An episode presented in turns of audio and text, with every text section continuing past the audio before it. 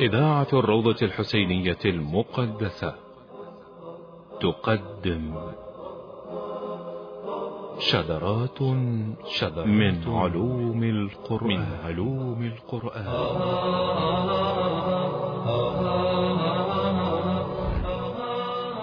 شذرات من علوم القرآن. إعداد وتقديم السيد مرتضى جمال الدين. شذرات من علوم القرآن. مونتاج نورة الكربلائي.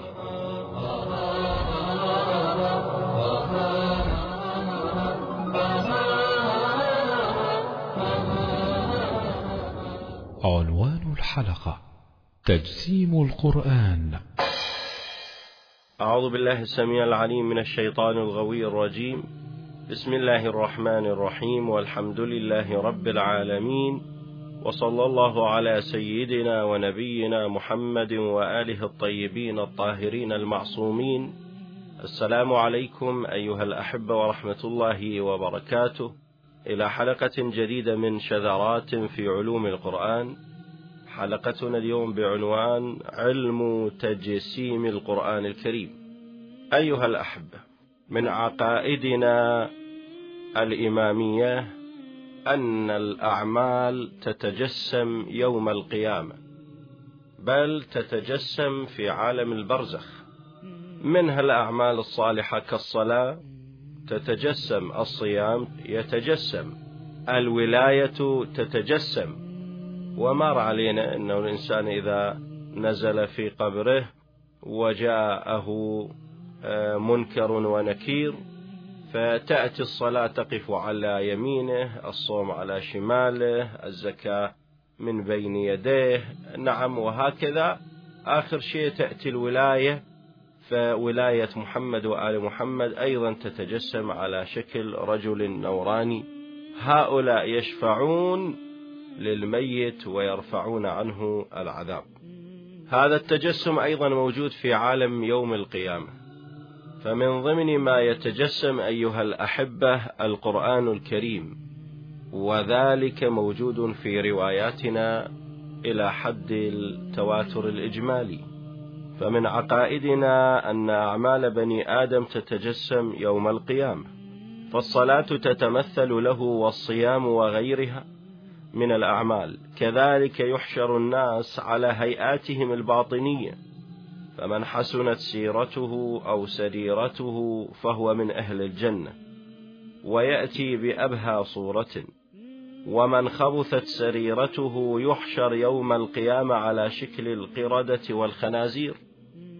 والذي يسمع رواية المعراج يفهم جليا ماذا أعني وقد وردت روايات كثيرة في أن القرآن الكريم يأتي بأحسن صورة على هيئة رجل ويبدأ الشفاعة لمن خدم القرآن أو يكون شاهدا على من هجره ونبذه.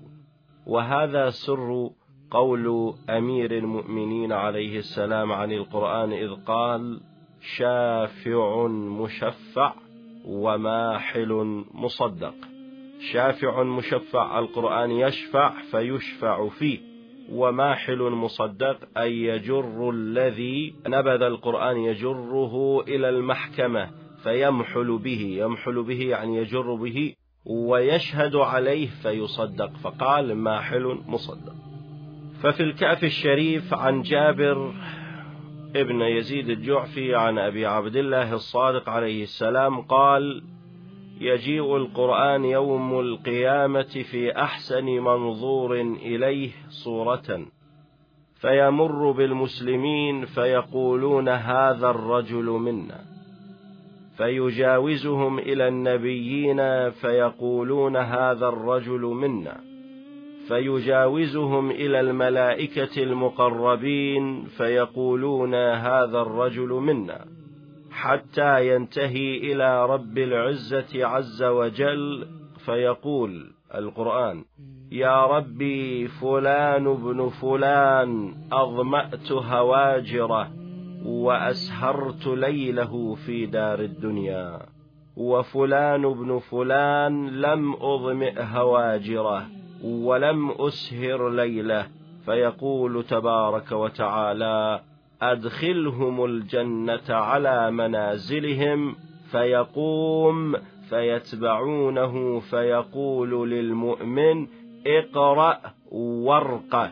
قال فيقرأ ويرقى حتى يبلغ كل رجل منهم منزلته التي هي لها فينزلها.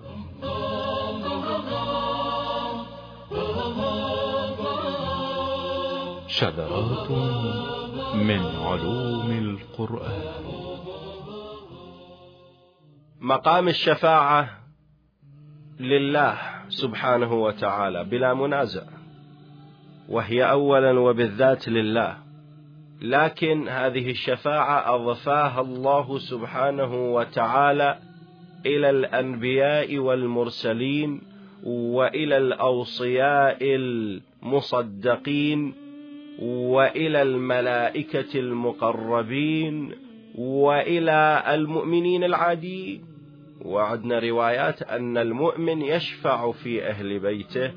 عندنا روايات تقول أن زائر الحسين عليه السلام يشفع فيشفع. أن أدنى زائر من زوار الحسين يشفع بقدر قبيلتي مضر وربيعة. كذلك القرآن الكريم ممن له مقام الشفاعة. يتجسم بصورة شاب جميل فيمر على الرقاب يمر على الطبقات يمر أول ما يمر يصعد إلى المؤمنين إلى المسلمين ثم يصعد إلى طبقة الأنبياء والمرسلين ثم يصعد إلى طبقة الملائكة المقربين.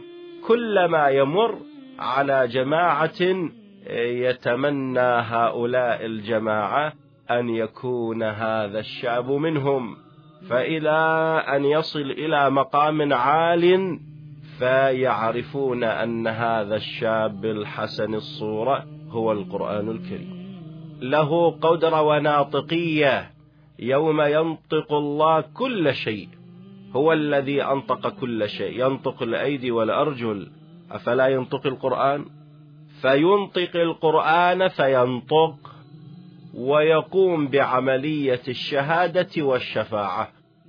يشفع لمن خدم القرآن في يوم القيامة. فلهذا يقول أسهرت ليله في دار الدنيا وأظمأت هواجره الهجير هو الحر. أظمأت هواجره إشارة بلاغية علما إلى الصوم.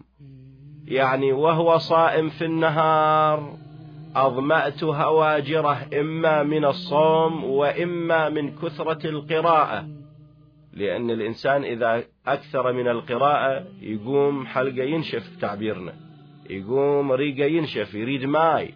فإذا أظمأ هواجره دلالة على الصوم ودلالة على ماذا؟ دلالة على أن فمه آه، جف من كثرة القراءة والذكر.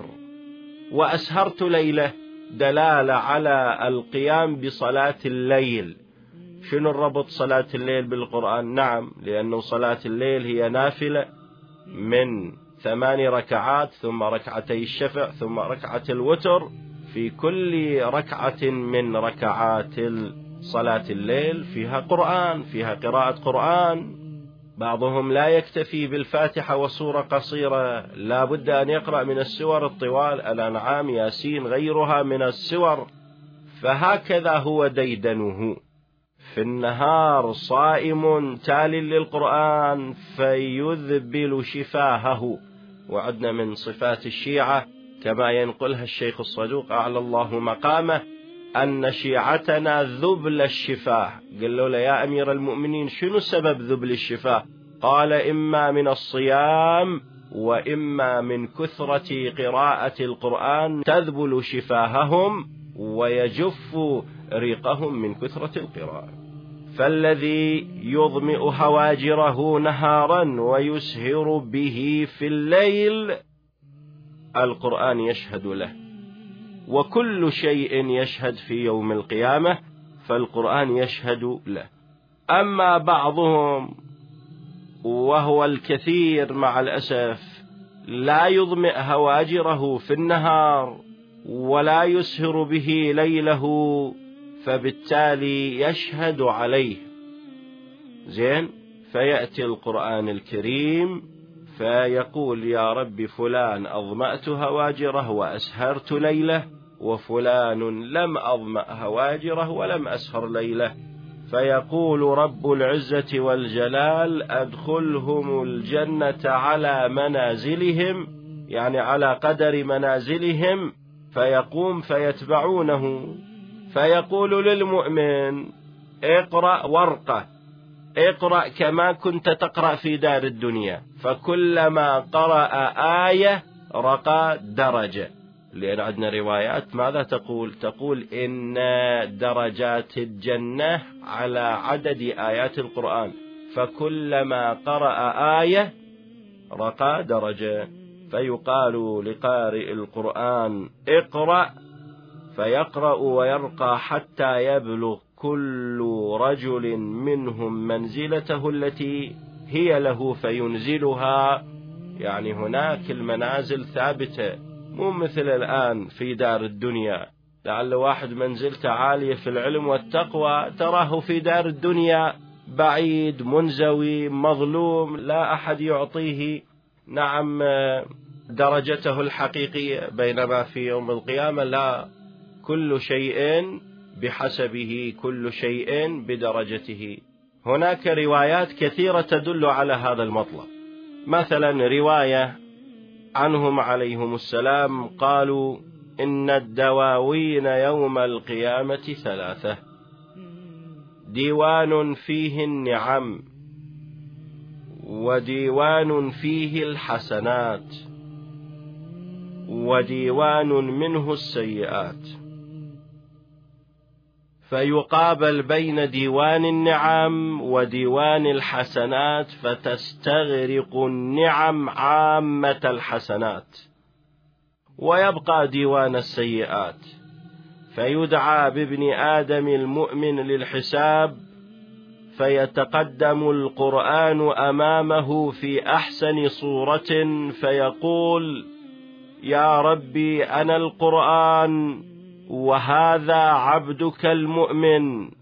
قد كان يتعب نفسه بتلاوتي ويطيل ليله بترتيلي وتفيض عيناه إذا تهجد فأرضه كما أرضاني. قال فيقول العزيز الجبار عبدي أبسط يمينك. فيملأها من رضوان الله العزيز الجبار ويملأ شماله من رحمة الله ثم يقال له هذه الجنة مباحة لك فاقرأ واصعد فإذا قرأ آية صعد درجة وهكذا. وهي أيضا تدل على هذا البحث وأن القرآن يتجسم يقول فيتقدم القرآن أمامه في أحسن صورة. يتقدم القرآن أمامه في أحسن صورة. فيقول يا ربي أنا القرآن وهذا عبدك المؤمن. ما الذي فعله العبد المؤمن؟ أتعب نفسه بالتلاوة وأطال ليله بالترتيل. فلذلك تفيض عيناه إذا تهجد فرضه كما أرضاني. لأن أحبتي الجزاء من جنس العمل فإذا كان المؤمن قد فاضت عينه في دار الدنيا من الخشية من خشية الله وبما عرف من آيات الله تكون هذه العين الخاشعة الباكية يوم القيامة ضاحكة مسرورة. والعكس صحيح أيضا. يعني العين التي كانت متبطرة مسرورة زاهية في دار الدنيا غافلة تكون من العيون البائسة. يقول القرآن ترهقهم قترة وذلة. هناك روايات تؤكد على أن ليس فقط القرآن بكله يتجسم لا. هناك آيات بعينها تتجسم أيضا يوم القيامة. إليك هذه الروايات. كل آية من القرآن تتمثل للإنسان فإذا كان قد قرأها وحفظها ولم ينسها أي لم يترك العمل بها عندها تتمثل بالدرجة الرفيعة. وأما إذا نسيها فإنها تتمثل له وتقول لو إنك لم تنسني لرفعتك إلى هذه الدرجة فيكون ذلك عليه حسرة يوم القيامة. هذا المطلب هناك رواية تدل عليه. عن الإمام الصادق عليه السلام يقول: من نسي سورة من القرآن مثلت له صورة حسنة ودرجة رفيعة في الجنة فإذا رآها قال ما أنت؟ ما أحسنك؟ ليتك لي فتقول أما تعرفني أنا سورة كذا وكذا ولو لم تنسني لرفعتك إلى هذا أي إلى هذا الموضع. واقعا مسألة النسيان هنا أحب أن أأكد عليها. ليس مسألة النسيان المقصود بها هنا في الروايات مسألة النسيان بعد الحفظ يعني الحفظ عن ظهر قلب ثم ينسى. هذا المعنى المشهور الدارج المتبادر من حق اللفظ. هذا المعنى ليس هو هذا المعنى المراد من الرواية. لماذا؟ لأن النسيان النسيان أكثر النسيان يكون بظرف خارجي طارئ على الإنسان مو بفعله. بينما النسيان بمعنى الترك في اللغة يعني يقول نسيت هذا أي تركتهم. هذا المعنى نعم يقع من الإنسان مع صدق الإصرار والترصد بتعبير أهل القانون. يعني شلون؟ يعني الإنسان إذا عرف هذه الآية وحكم هذه الآية واستفاد منها علما المفروض أن يقوم بعمل المفروض أن يترجمها بالعمل. لكن هو بالعمل تركها. نبذها وراء ظهره فبالتالي بمعنى تركها أي نسيها بمعنى تركها. هذه الآية تكون له وتتجسم له يوم القيامة وتتراءى له كدرجة عالية في الجنة وتقول له أتذكرني أنا الآية الفلانية كيت وكيت؟ لو لم تنسني يعني لو لم تتركني أو تترك العمل بي لرفعتك إلى هذه الدرجة فهنا تصيب الإنسان حسرة وندامة. ليش يسمون اليوم القيامة يوم الحسرة؟ كل واحد من المؤمنين والكافرين تصيبه هذه الحسرة أحبتي. كيف؟ أما الكافر ففي رواياتنا أن كل إنسان خلقه الله سبحانه وتعالى له منزلة في الجنة وله منزلة في النار.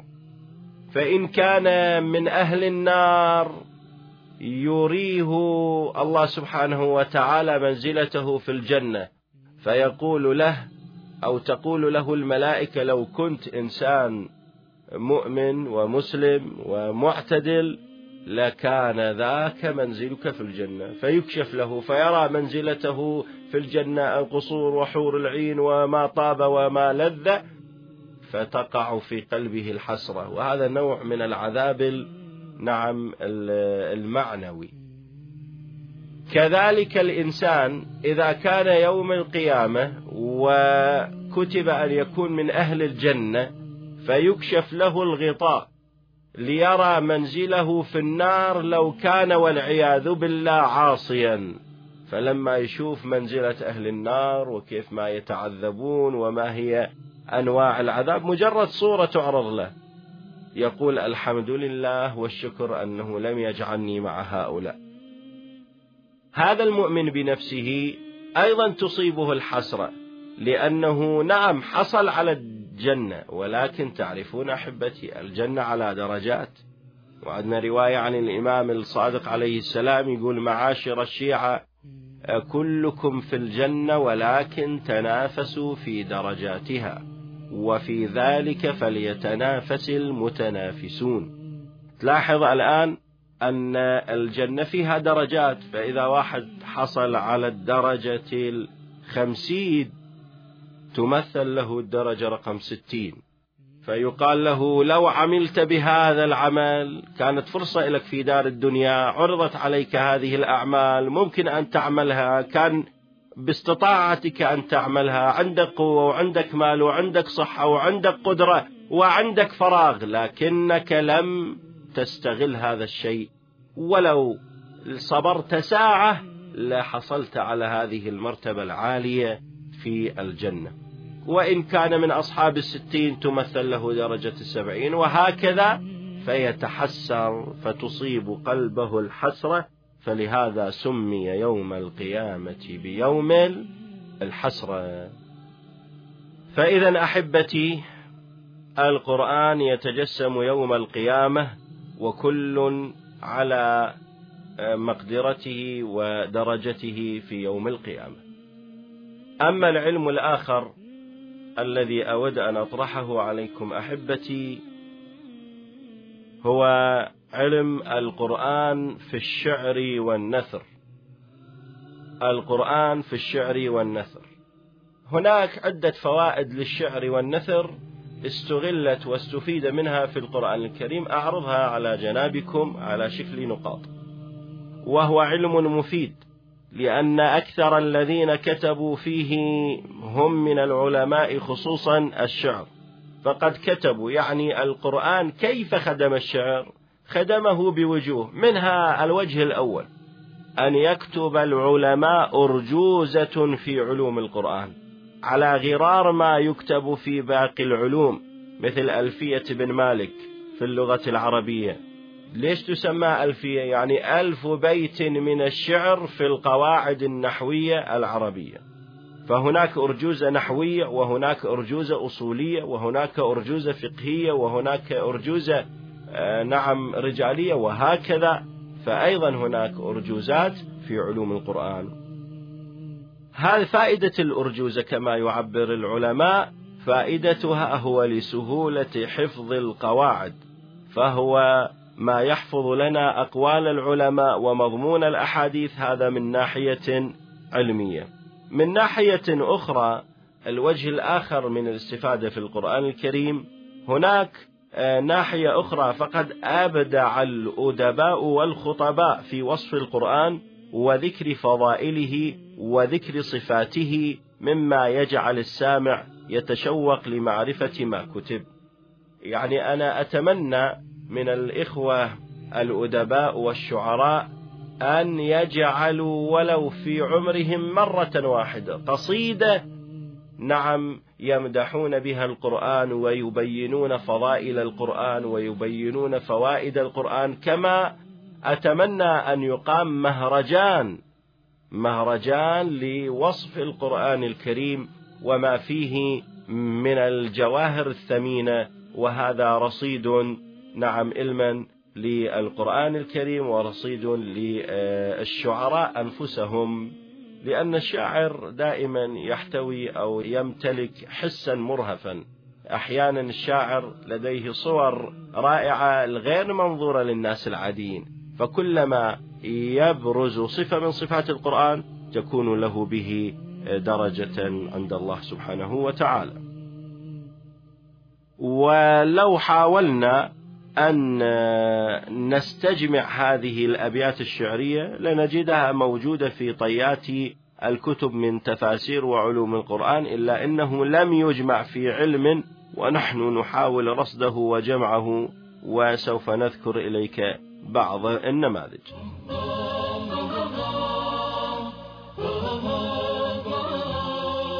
شذرات من علوم القرآن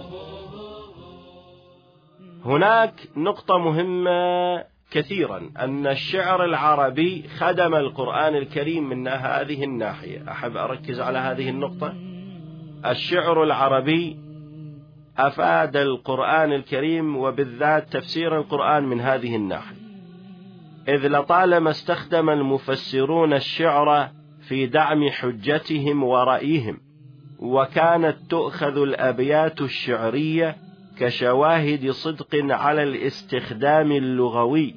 وقد كتب الشريف المرتضى رضوان الله عليه كتاب من جزئين يتضمن هذا العلم اسمه أمال المرتضى. وأيضا تفسير مجمع البيان للعلامة الطبرسي أيضا مملوء من هذا العلم. أما علة الاستشهاد بالشعر هي كما قال ابن عباس الشعر ديوان العرب فإذا خفي علينا الحرف من القرآن الحرف يعني المعنى فإذا خفي علينا الحرف من القرآن الذي أنزله الله بلغة العرب رجعنا إلى ديوانها فالتمسنا معرفة ذلك منه. الآن الحمد لله مجمع البيان موجود في كل بيت تقريبا. لو تلاحظون أن العلامة الطبرسي وكذلك الشيخ الطوسي في تفسيره أيضا لما يأتي بمعنى من معاني الآيات القرآنية يأتي بشاهد لغوي. هذا الشاهد اللغوي في قالب شعري. تعرفون أن المعاجم اللغوية آنذاك لم تتبلور كما اليوم موجود عندنا لسان العرب وغيره وغيره. لا. سابقا كان يهرعون إلى ديوان العرب. ما هو ديوان العرب؟ الشعر. ولهذا ابن عباس يقول الشعر ديوان العرب. فإذا خفي علينا الحرف يعني المعنى رجعنا إلى آه، ديوان العرب والتمسنا معرفة المعنى منه. فلذلك يأتون بشواهد شعرية. الذي فتح هذا الباب بالواقع هو ابن عباس. الذي فتح هذا الباب هو ابن عباس. وينقل السيوطي في الإتقان في علوم القرآن والزركشي في البرهان في علوم القرآن أكثر من تسعين بيتا أكثر من تسعين بيتا في هذا المجال. يعني آه، أرويكم هاي القصة. يقول جاء نافع بن الأزرق ونجدة بن عويمر. أظن هؤلاء هم من الخوارج. جاءوا إلى ابن عباس بفضاء الكعبة نعرف أن ابن عباس هو مؤسس مدرسة مكة المكرمة للقرآن الكريم. وقد اكتنفه الناس يعني أحاطوا به يسألونه عن القرآن. فقال إنا نريد أن نسألك عن أشياء من كتاب الله فتفسرها لنا وتأتينا بمصداقه من كلام العرب. فإن الله تعالى إنما أنزل القرآن بلسان عربي مبين. فقال ابن عباس سلاني عما بدا لكما. فقال النافع أخبرني عن قول الله تعالى عن اليمين وعن الشمال عزين فما معنى العزون؟ وهل تعرف العرب كلمة العزون؟ قال العزون هي الحلق هي الرفاق. الآن الرفقة لما يجلسون يجلسون على شكل حلقات. نعم كما اليوم في متعارف في الحوزات أن الشيخ أو السيد يجلس الأستاذ يدرس والطلبة حوله بشكل حلقات. فلهذا قال نعم وتعرف العرب ذلك. قال أما سمعت عبيد بن الأبرص يقول فجاءوا يهرعون إليه حتى يكونوا حول منبره عزينا يعني يكونوا حول منبره حلقان قال زين أخبرني عن هذه الكلمة ما معنى الوسيلة في قوله تعالى وابتغوا إليه الوسيلة؟ قال الوسيلة هي الحاجة. فقال وهل تعرف العرب ذلك؟ قال نعم. إن الرجال لهم إليك وسيلة إن يأخذوك تكملي وتخضبي. يعني الرجال لهم حاجة فيك فإذا أخذوك تكملي نعم وتخضبي. فبمعنى الوسيلة يعني الحاجة. وقال أخبرني عن قوله تعالى يكاد سنا برقه ما معنى السنا؟ قال السنا هو الضوء. قالوا له وهل تعرف العرب ذلك؟ قال نعم يدعو إلى الحق لا يبغي به بدلا. يجلو بضوء سناه داجي الظلم. فبضوء سناه يعني شنو؟ يعني الضوء آه، وأشعة الضوء.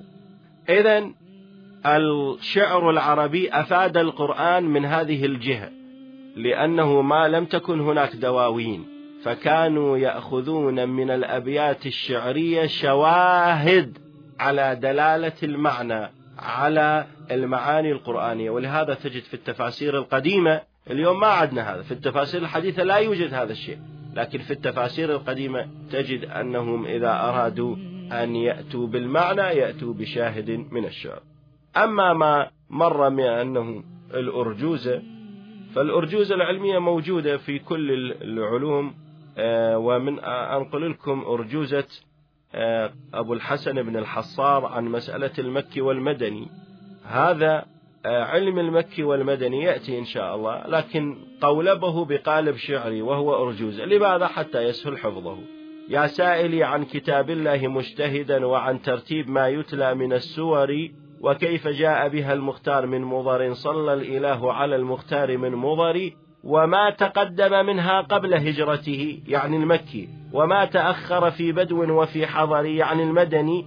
ليش شنو فائدة المكي والمدني؟ قال ليعلم النسخ والتخصيص مجتهد يؤيد الحكم بالتاريخ والنظر. حتى يفتهم أو يفهم من علم المكي والمدني أن هاي الآية مكية هاي الآية مدنية فهاي الآية المدنية ناسخت الآية المكية ذات الموضوع الواحد. وهكذا نجد أن الشعر العربي أفاد القرآن الكريم من هذه الناحية. هناك ثلاثة فوائد. الفائدة الأولى الأرجوزة القرآنية. الفائدة الثانية مدح الشعراء ووصف الشعراء للقرآن. الفائدة الثالثة التمسوا من الأبيات الشعرية. معنى ودلالات على الألفاظ القرآنية. هذا وأستغفر الله لي ولكم والسلام عليكم ورحمة الله وبركاته. قدمت لكم إذاعة الروضة الحسينية المقدسة. شذرات شذرات من علوم القرآن, من علوم القرآن.